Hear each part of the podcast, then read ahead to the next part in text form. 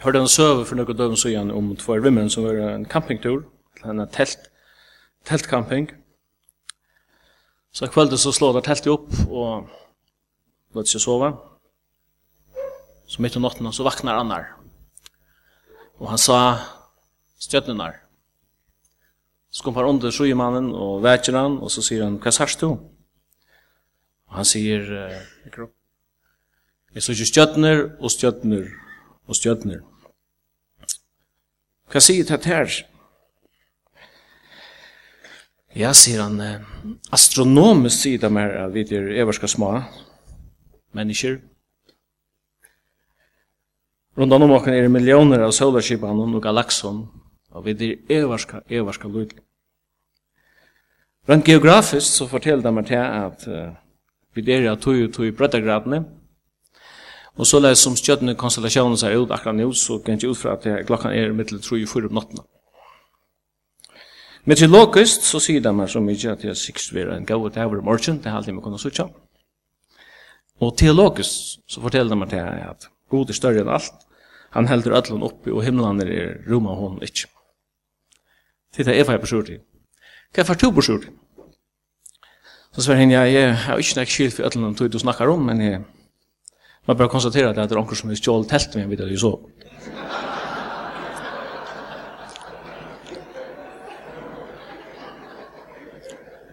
Man kan roligt se att andra har fokus på en, en makrover och hin har så fokus på en mikrover där man är. Mikro och makro, det är något som man brukar öda Det ska inte bara teologiskt, men östene innanför naturvisen och östene innanför ekonomi. Mikroekonomier och makro och så vidare. Skriften forteller oss om det, at tjattnen og ætlen til kristna bådskapen, til det at god som fyller alt og ætlen, kladde seg i halt og blå, og som det stender i Lukas, at hon åtte sånn som hin fyrsta fødda, og hon røyva i han og leie han og i ena kroppe, til skaparen av universum som ligger. Til er makroheimren som er kommet inn i okkara ver, er god gjør det menneska.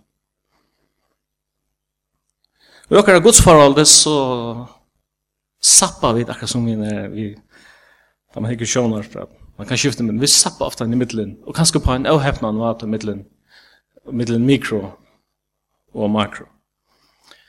Men skulle vi læra god å kjenne så må det være på hans her premisser sånn teologi hun kommer alltid om han fra til okken og vil driver noen som det stender Johannes 8 at ungen hever nærkant det sær god Men sonren, altså Jesus, hever åpenbæra, hever forklara han.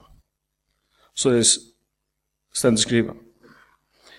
Og i menneskjans uh, relasjon til god, er det tvei likle år, som ikke også har gjort bare brosjur i det, det er Guds kærleidje, altså kærleidje til god, og Guds øtt, altså øtt for god.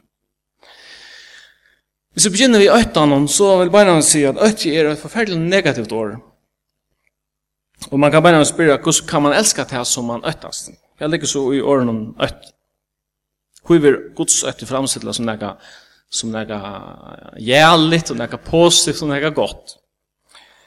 Jeg vet ikke hvordan ofta det stender i bøyblene, øttast ikke, øttast ikke, øttast ikke.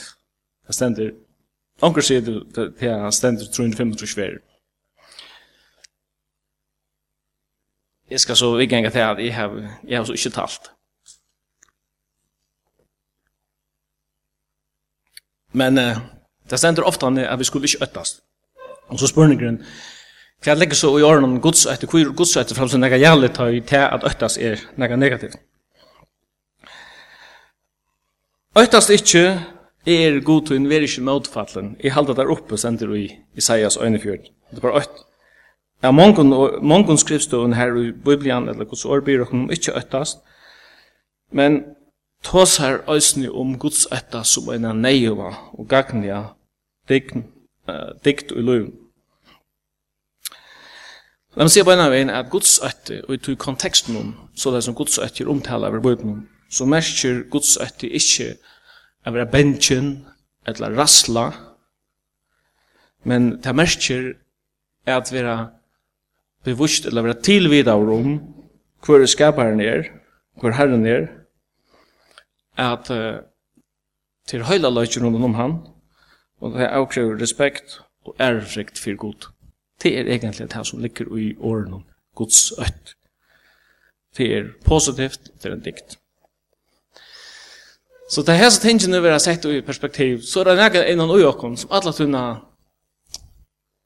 det er nægget ujåkken som drever uh, mot Jesus eller mot Gode, Vi suttar det her i skriften i at sender alle tottlere og synder hilse nær til hans her høyre.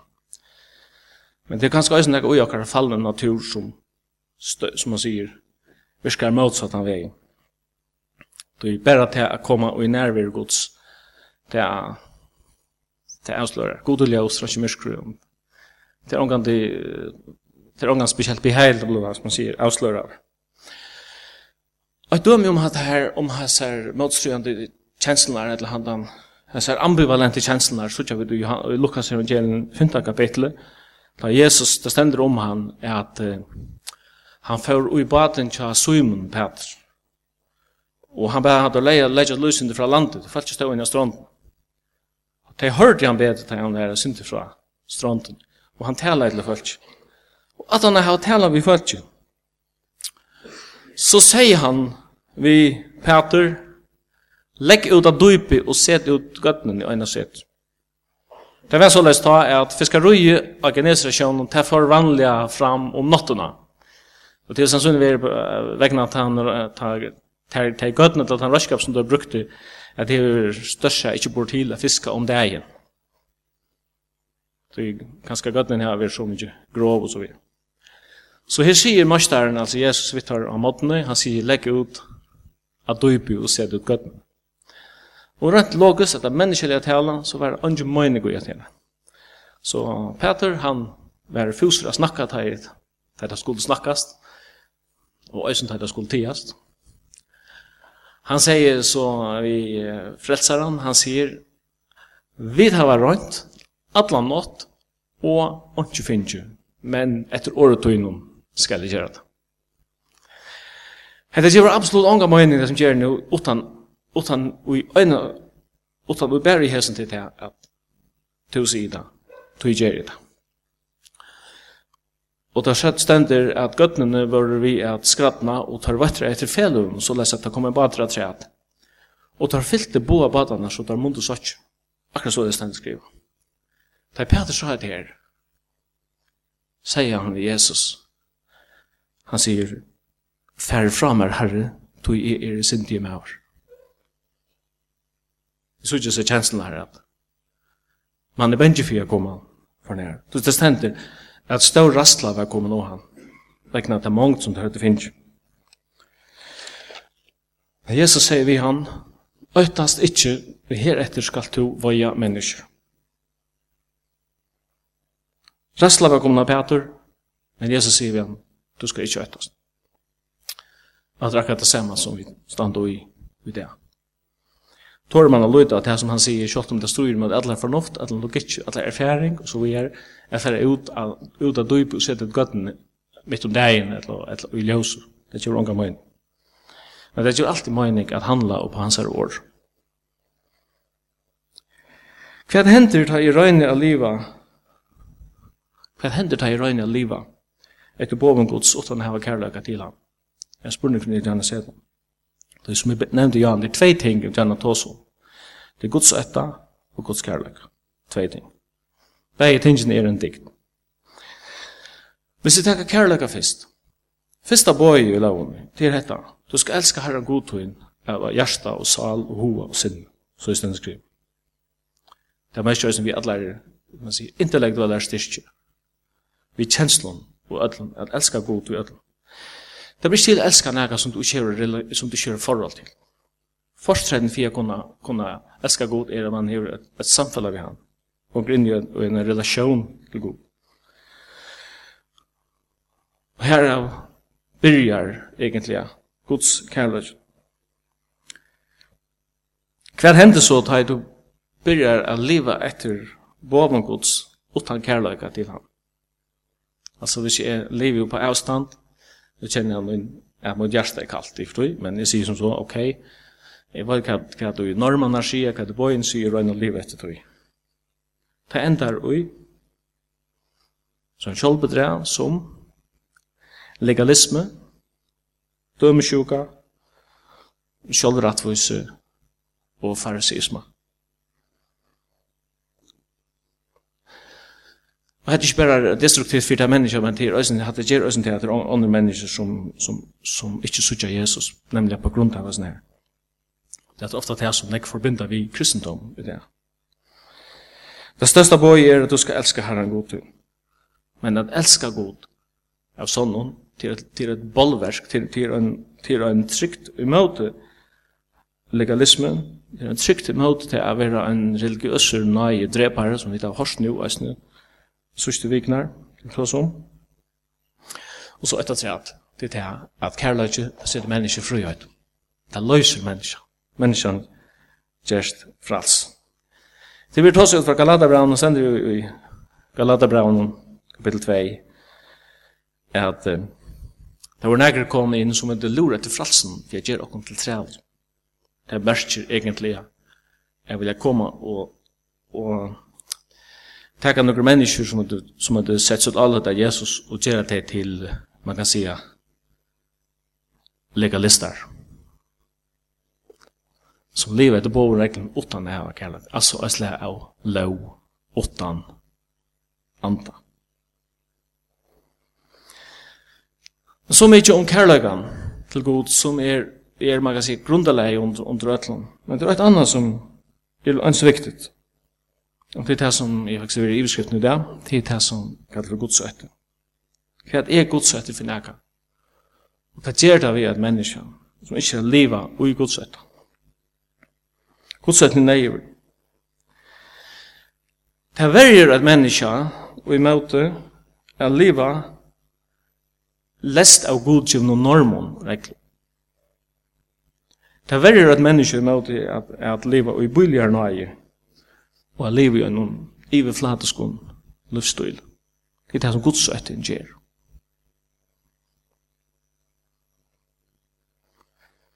Vi gjerne kanskje utdypa det lydsynder ut fra du som skriften lær. Vi vet at det at rombra er ofte kallet for, for ABC i evangelien. Da lyser byrja vi som menneskjan. Fyrst, fyrst presenterer han evangeliet sitt en kraftgods til frelse for, for kvant han som tror. Men vi, vi Fyrsta kapitel i Rombraun byrjar han toss og menneska, lysa menneska skilt fra godu, vegna fatle. Og det viser seg som at skilnaveren fra godu hever nekvar varianter, hever nekvar vinklar, hever nekvar anlid, hvis man kan sige det på tammata.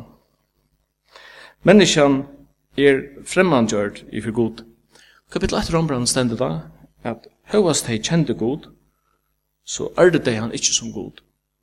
De gjør, det gjør det farfangt i sin hokshånd, og i dara hjarta torra gjør det mist.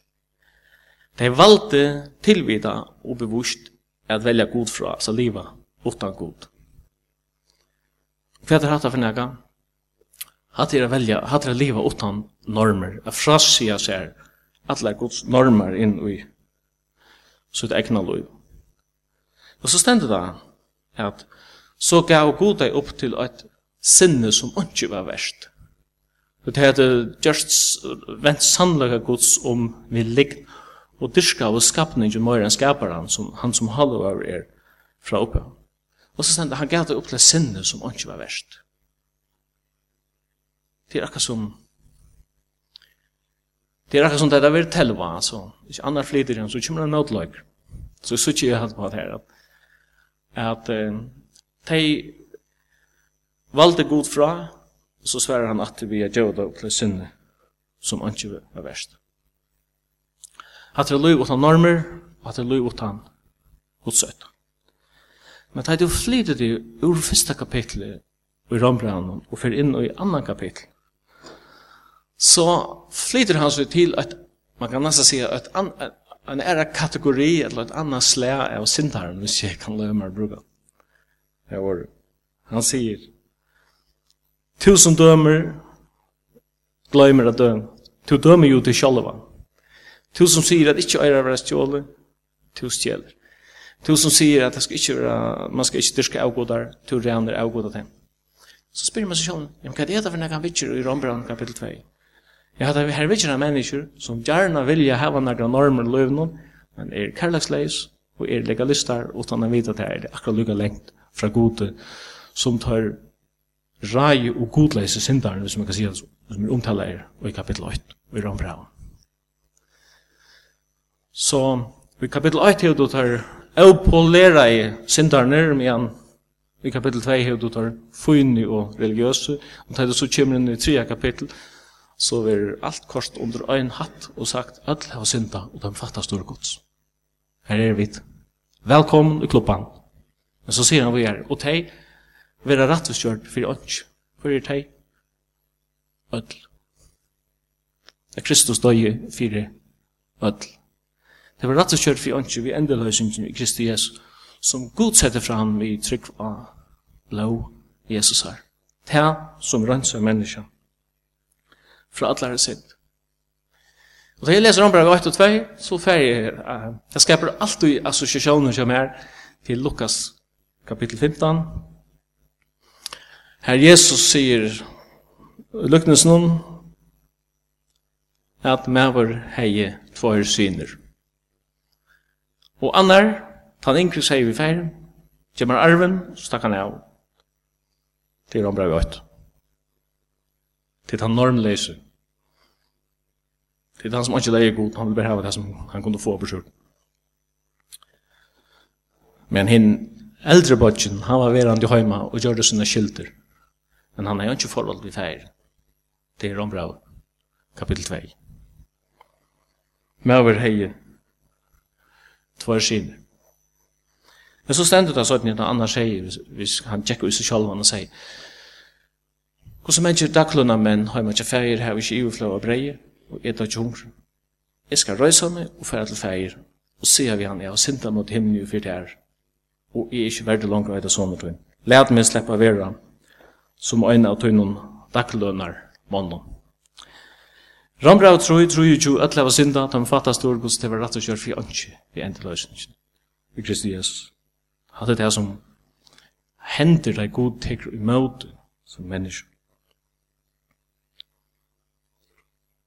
Så vi skal prøve å repetere lydsyndre som jeg har sagt her. kærløgjen til god er neiver, men godsøtten er også neiver. Godsøtten verger mot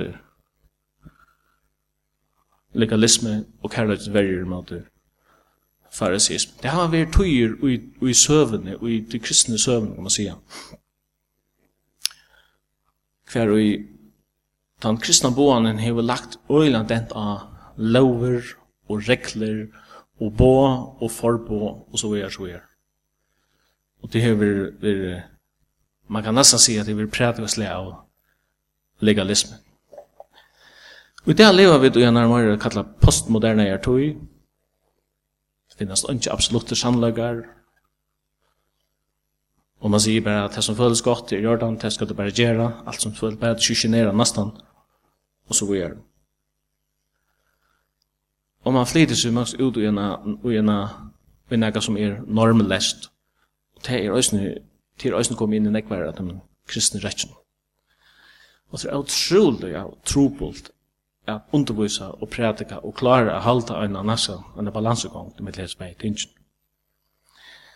Jeg kan si da fyrir en vik eller en vik siden, jeg vil heldur prædika nøye og risikere å være miskilter enn å binda falt nye.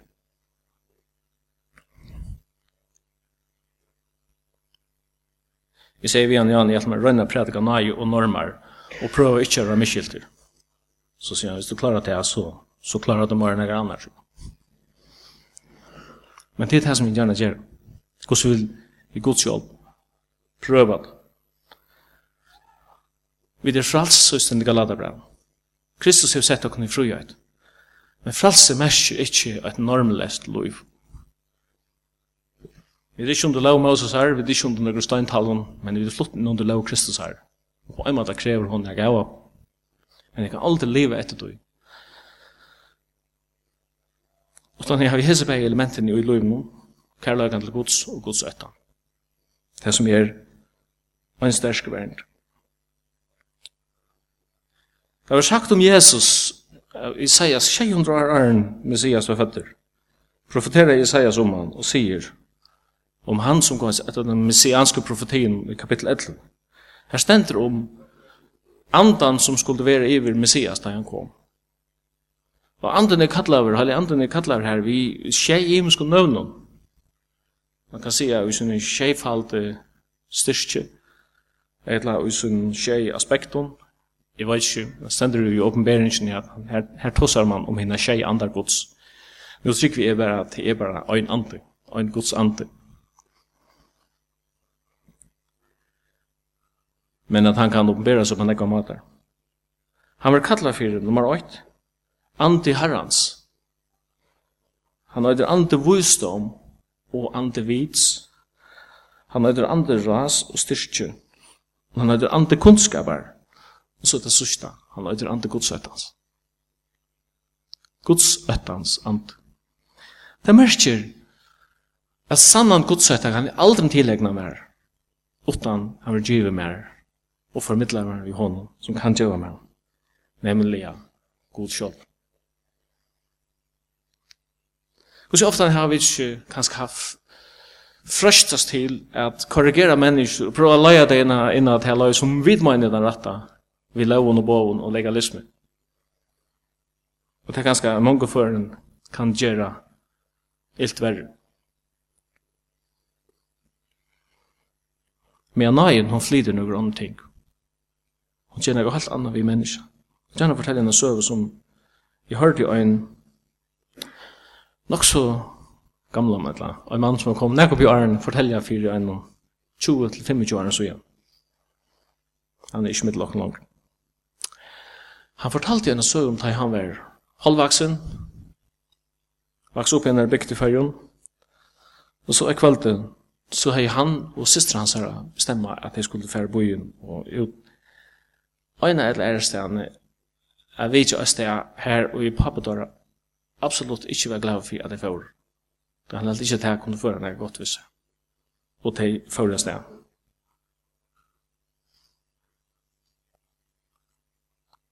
Han fortalte så som jeg var at vi kom nok så sant atter. Da vi kom hjem, så på det jeg vet, og det kom kjære vel vi at pappa og var ikke ferdig sånn. Jeg satt oppe, jeg satt i køkken. Og vi kom inn, og han visste hva vi hadde vært, og vi visste at han visste hva vi hadde vært, sånn at det ble jo lydsindere. Så er han spent, og han sier vi, han sier vi, 70 ønsker, og setter han bare nye, og han skjølte vi tro. Og så er han lød, ønsker sier nækka. Men så lød affæren, så blir jeg en gamle, at fettla tar, og han ikke har græt. Og disse unge teenage-sikkene sa det etter her var sånn tur. For fjamska, jeg visste ikke hvordan jeg skulle reagere på det. Men så lød av affæren, så rast jeg med henne, eller papen seg opp. Han torska i tarene, og så fer han iver til bøttene i kjassar. Han gav dem en klem, og yngste dem gav en nått, så fer han sång. Og her så det. Det som er som fortalte det, som, som opplevde, han sier at uh, Takk for alt det gav jeg god et lyfte. Jeg tok en avtjør. Og det lyfte jeg har rundt helt. Og det her er Han säger han kallar det ösnen för han största och han mest uh, ja han han han mest allvarliga och den största predikan han nägan det upplever löven skalt om och or blev sagt för sig. Det kallar han.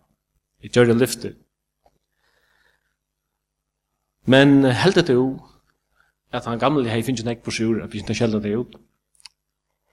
Halda det lov fliten nek, eller legalism av livet. Men han kvært gods etter og nei gjer. Vi er menneska, og vi okkar omgjørelse. Og hessa gamle mævren som græt, og så sikna i bøtten jeg for sjong, jeg kan godt fortelle at det er fløyre, fløyre av hans og etterkommer, så sitter her i morgen. Jeg prøver å telle igjen, jeg får lengte på om tutsk.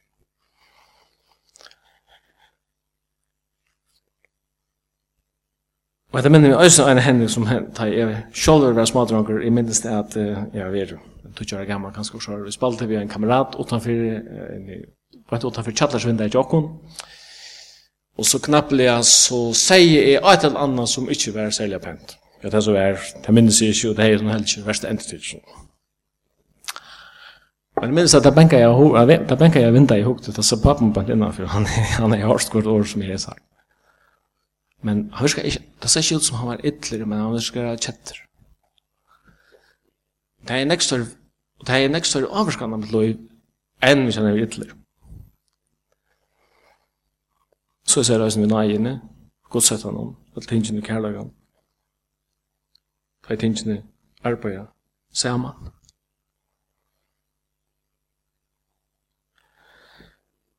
Öll Så nå er Guds er åpenbæra mennesken til frelse, og han vener okken opp til at han okta godleis. Det er alderlige gjerninger, og livet samlet og godsett han til Gud. Så leis stendig skriva. Godsett er et løndarmal.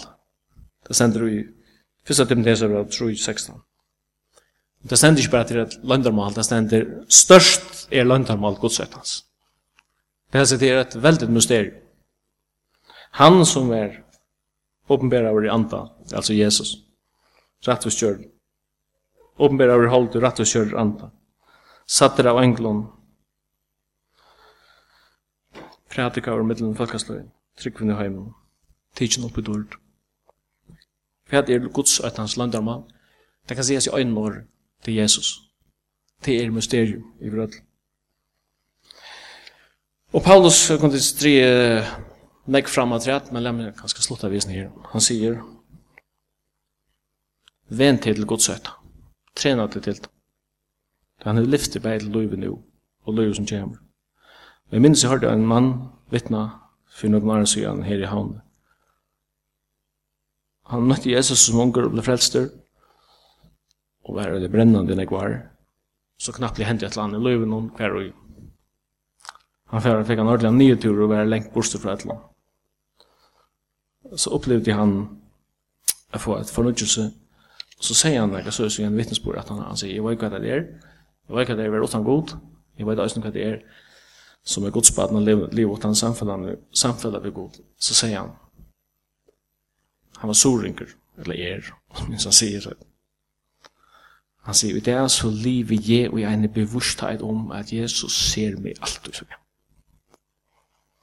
Det er ikke lov, det er ikke legalisme. Det er en god søtt.